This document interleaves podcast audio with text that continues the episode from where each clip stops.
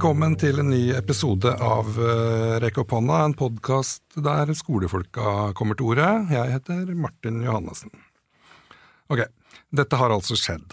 Fra 1990 til 2008 fikk grunnskolen 1359 timer ekstra på timeplan, og det finnes ingen undersøkelser som gir et fullgodt svar på hvilken effekt det har hatt. Så blir vi altså smartere av å gå flere år på skolen og ha, ha flere timer i, i, norsk og engelsk, eller kanskje det er noe annet som trigger lærelysten vår. Elise Farstad Djupedal er stipendiat ved NTNU og har skapt en viss furore den siste tiden rundt uh, dette temaet. Velkommen. Takk skal du ha. Takk skal du ha. Det er veldig morsomt at en sånn sak som det her har si, nådd såpass bredt ut. Er det ikke det? Syns du ikke det? Det vil jeg absolutt si. Det er veldig spennende. Og det er spennende hvis det kan både skape debatt, men også informere liksom, nye samtaler om skolen. Da. Litt sånn realitetsjustering av hvordan skolen ser ut, og at skolen i dag ser ganske annerledes ut enn f.eks. den skolen jeg gikk i, og jeg vil tro kanskje den skolen du gikk i. Ja, vi, jeg gikk jo, begynte jo på barneskolen i 1976. Ja, jeg vil si du har klart deg ganske godt med tanke på hvor få timer, du hadde på skolen. Ja, altså Dessuten så var den bare niårig. Ja. Ikke sant? Og så tok jeg faktisk bare ett år på videregående før jeg begynte å jobbe i platebutikk. Var mer eh, motivert for det. Så, ja, nei, det... Men det gikk greit. så nå, det har jo, du har sikkert, Vi kan ta det. Det finnes selvfølgelig en eh, liste over eksempler på folk det har gått greit med som bare har hatt litt skolegang, er lang. Sånn er det. Men du skriver altså på en doktorgrad med si, foreløpig tittel 'Grunnskolen som kunnskapspolitikk. Politisk styring av skolens kunnskapsinnhold fra 1959 til 2016'. Når skal den mm. være ferdig, da? Den skal være ferdig om eh, rundt eh, to år. Ja.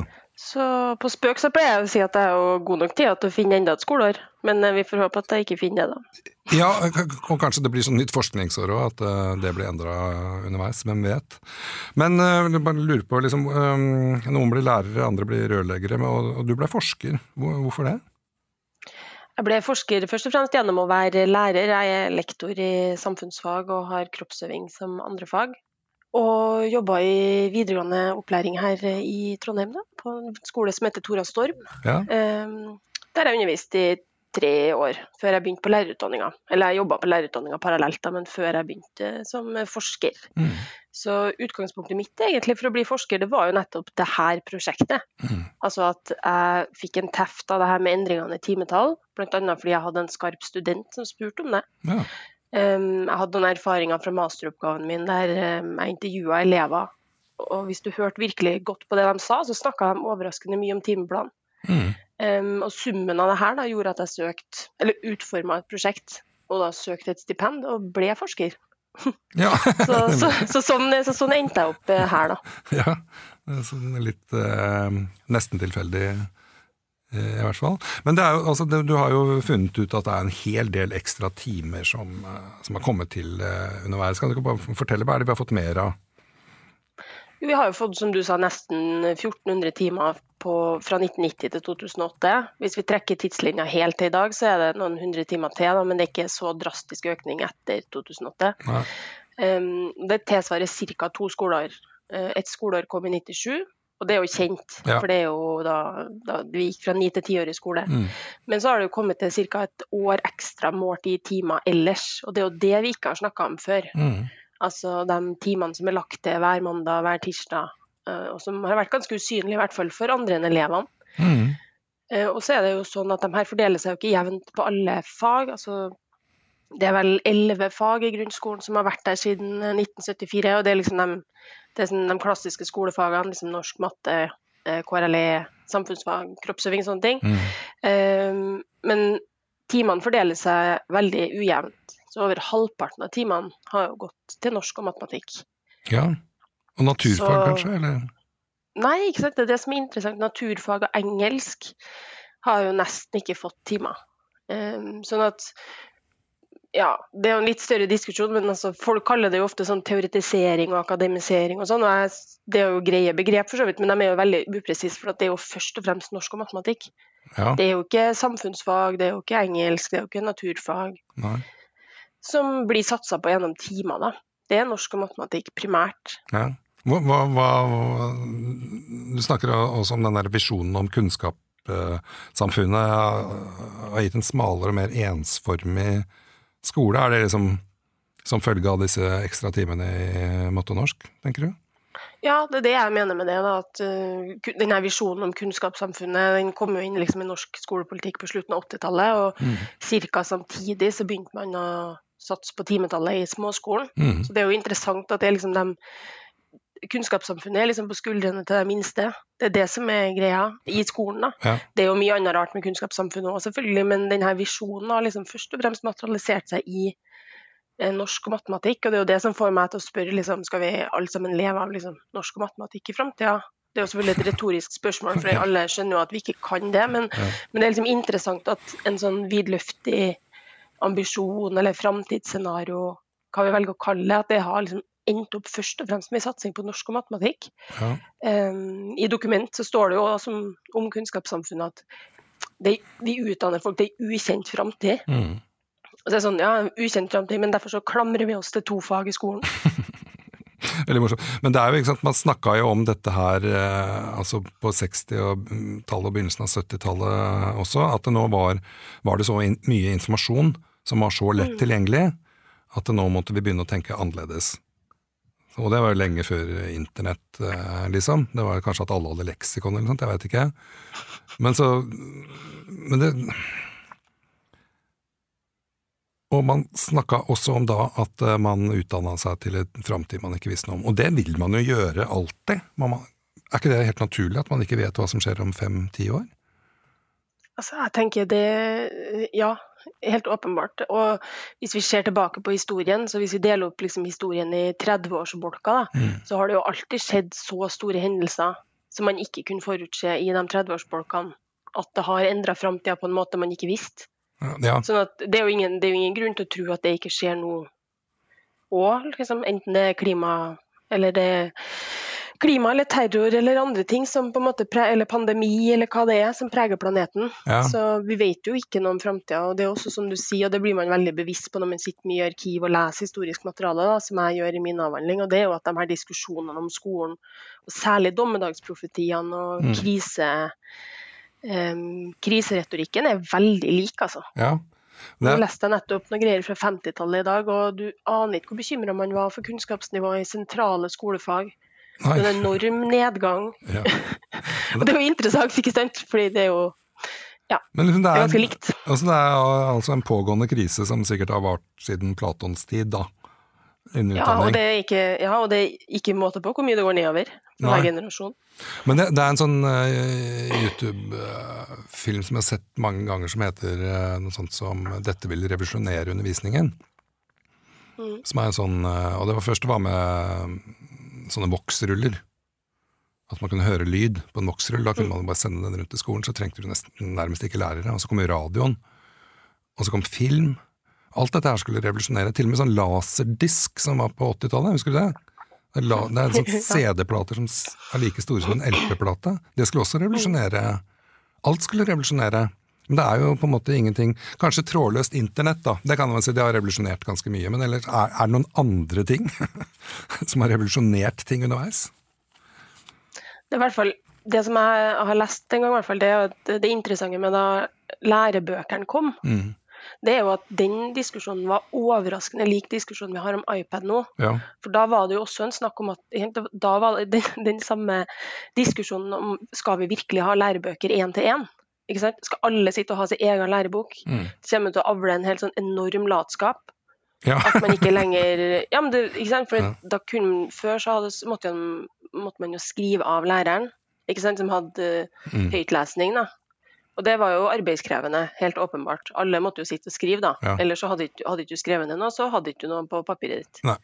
um, og man kan jo skjønne at da opptrykket av bøker begynte, og alle fikk sin egen bok, så var jo det selvfølgelig avla også en enorm latskap. Ja. måtte man ikke lenger gjøre den jobben.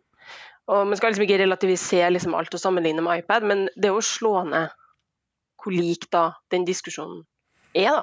Eh, langt tilbake i tid til 2022. Ja, men det, det, er jo, det er jo kjempeinteressant. Det var jo krisen når kulepennen kom også. Og skulle ta over for fyllepent, det var jo helt uh, ramaskrik uh, over hele verden, har jeg inntrykk av.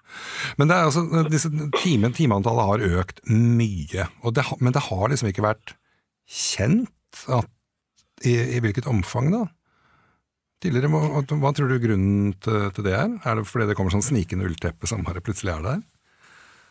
Det er jo et godt spørsmål. Altså, det, er jo, det, har, det er jo kjent for mange politikere, byråkrater, mest sannsynlig også mennesker som har vært med og evaluert læreplanverk. Mm. Fordi det har jo vært en del av læreplanreforma, men også utenfor reforma.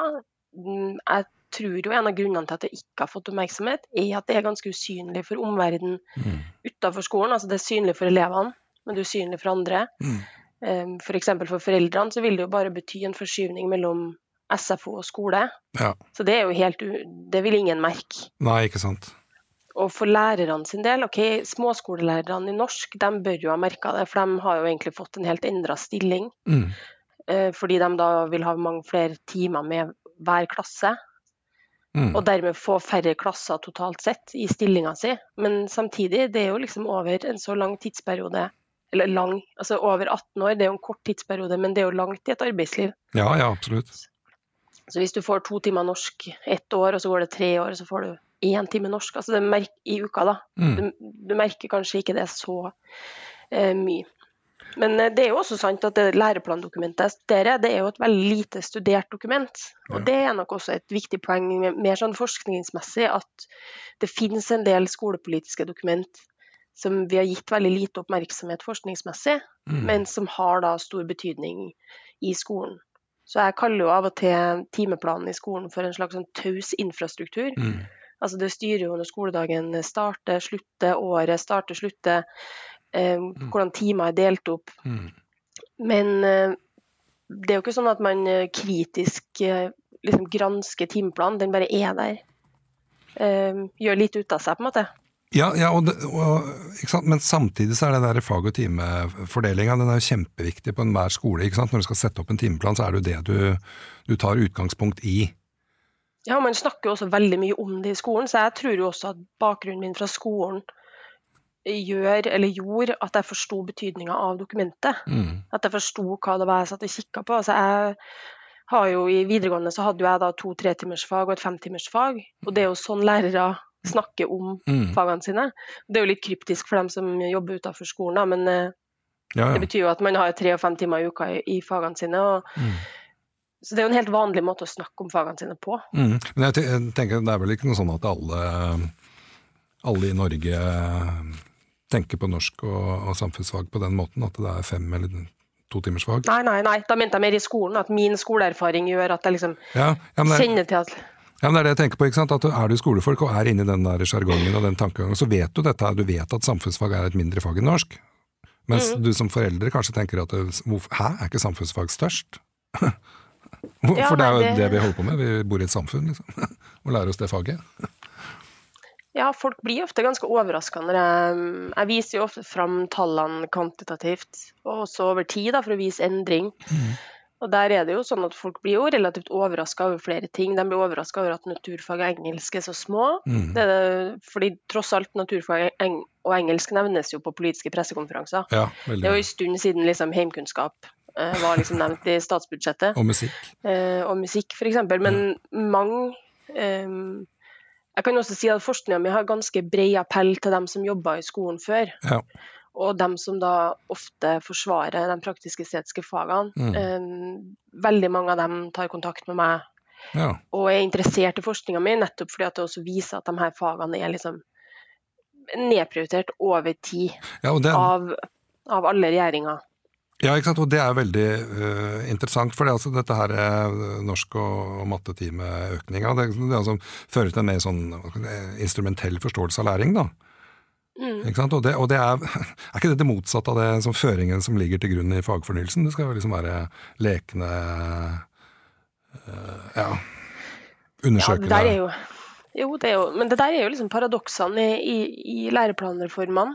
Altså, du har jo også hvis jeg kan bare dra en liten sånn historisk greie, så har du jo Mønsterplan 87, og det er jo ofte på en måte betegna som det mest utforskende og lokalorienterte læreplanverket vi har hatt da, historisk. Mm.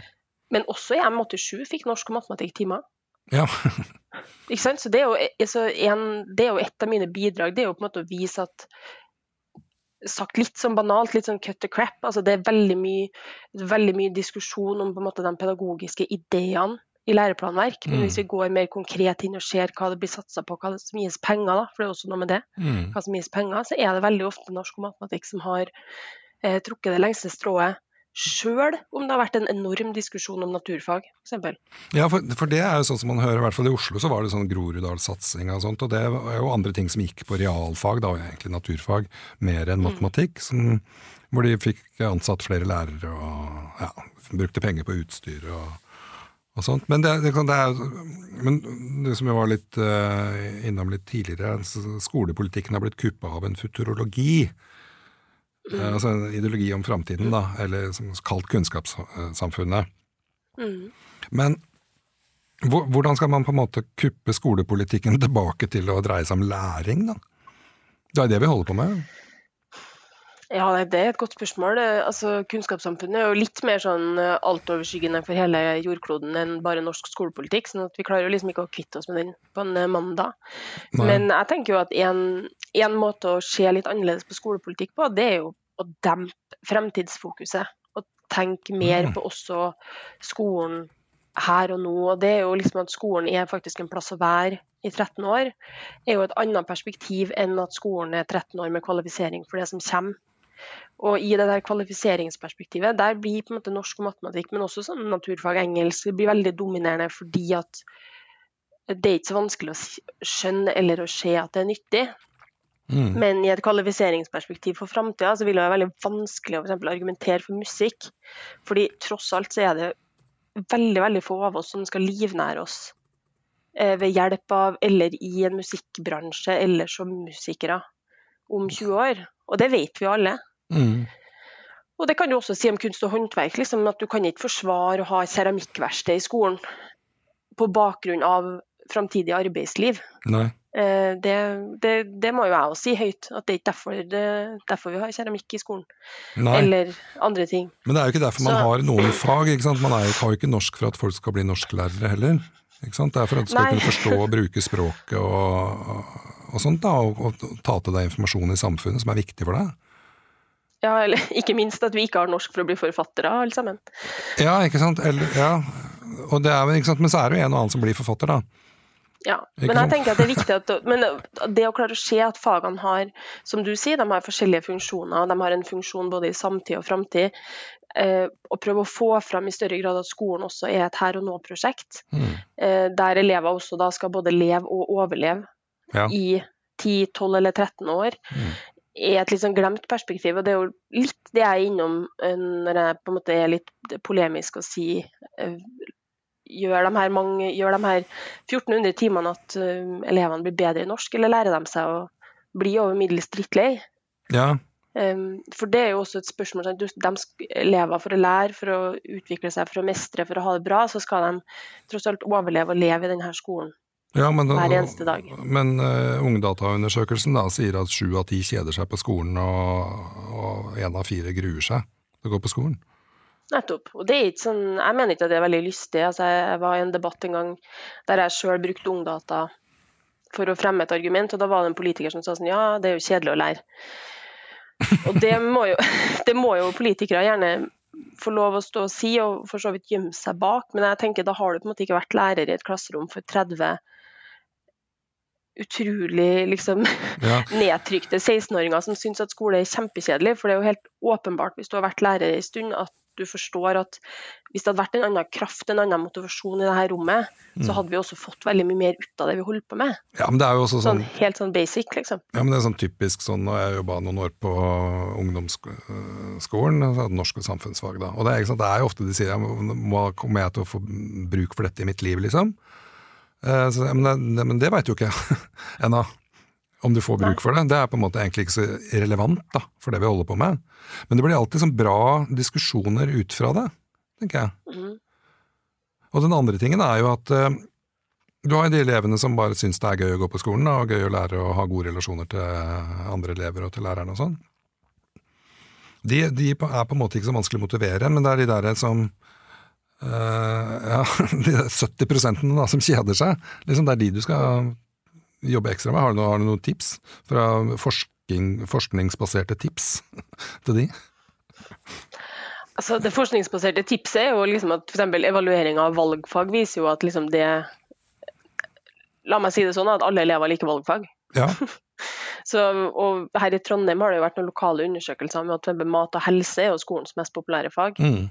Sånn at hvis man hadde gått etter noen andre typer parametere enn ja, la meg si OECD, andre internasjonale undersøkelser, så kunne man jo man kunne ha valgt noe helt annet som kompass for mm. skoleutvikling. Da. Ja, men Det er jo litt morsomt da, hvis man snakker om det futurologiske eller fremtiden og det der 21st century skills og sånt, men der er jo på en måte kreativitet og nysgjerrighet og sånt liksom topp lista. Ja, nettopp. Det gjør det. Og Det er jo det som jeg synes er, det er, liksom, det er jo mange paradokser i skolen også, fordi at man kan si at både skolepolitikken og læreplanverk er jo et stort puslespill. Ja. Eller mer sånn mosaikk av masse forskjellige ideer. Og også på en måte helt konkret det er forskjellige avdelinger i direktoratet, forskjellige avdelinger i departementet som må mene forskjellige ting. Altså det er forskjellige folk mm. um, som har utforma læreplanverket.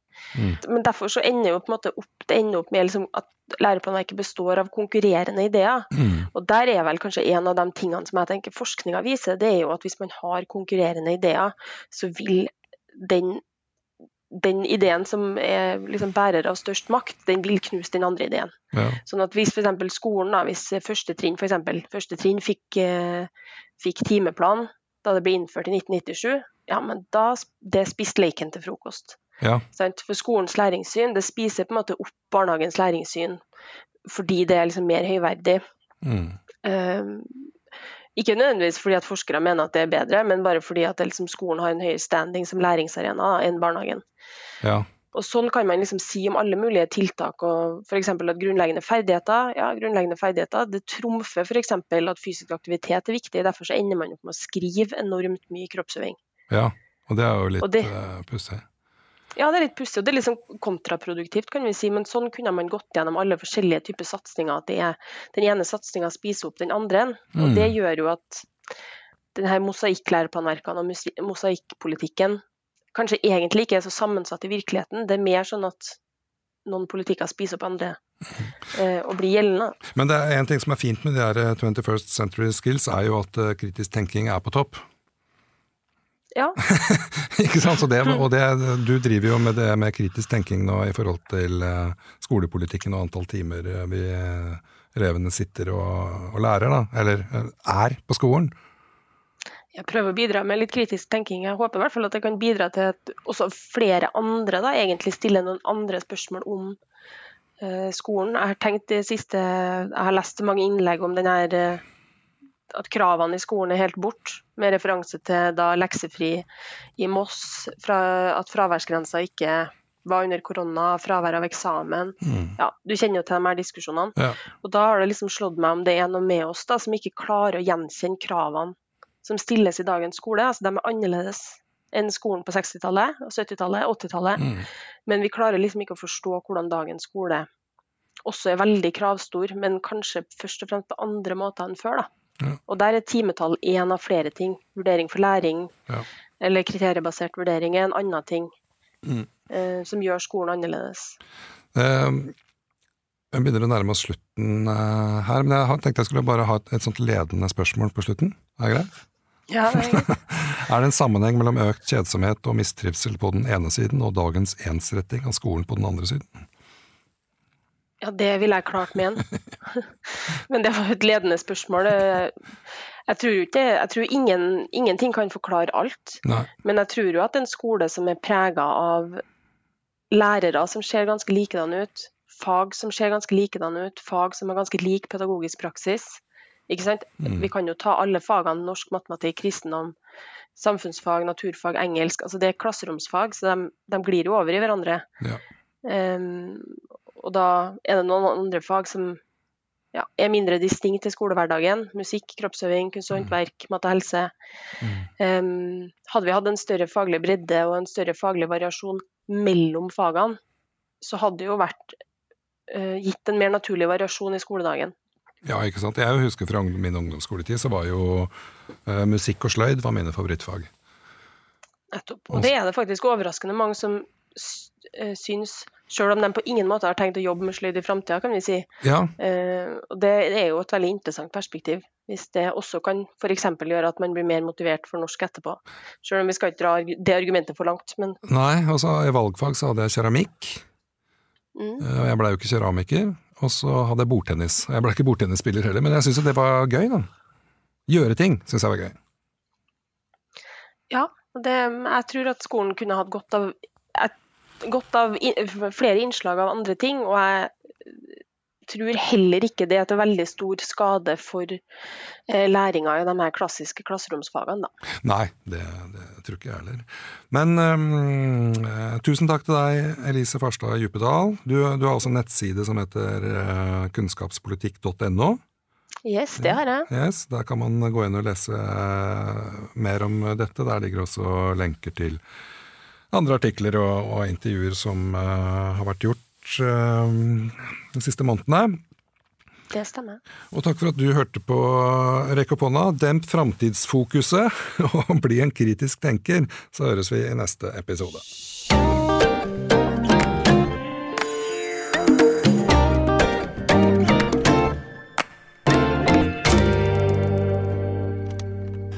Produsert av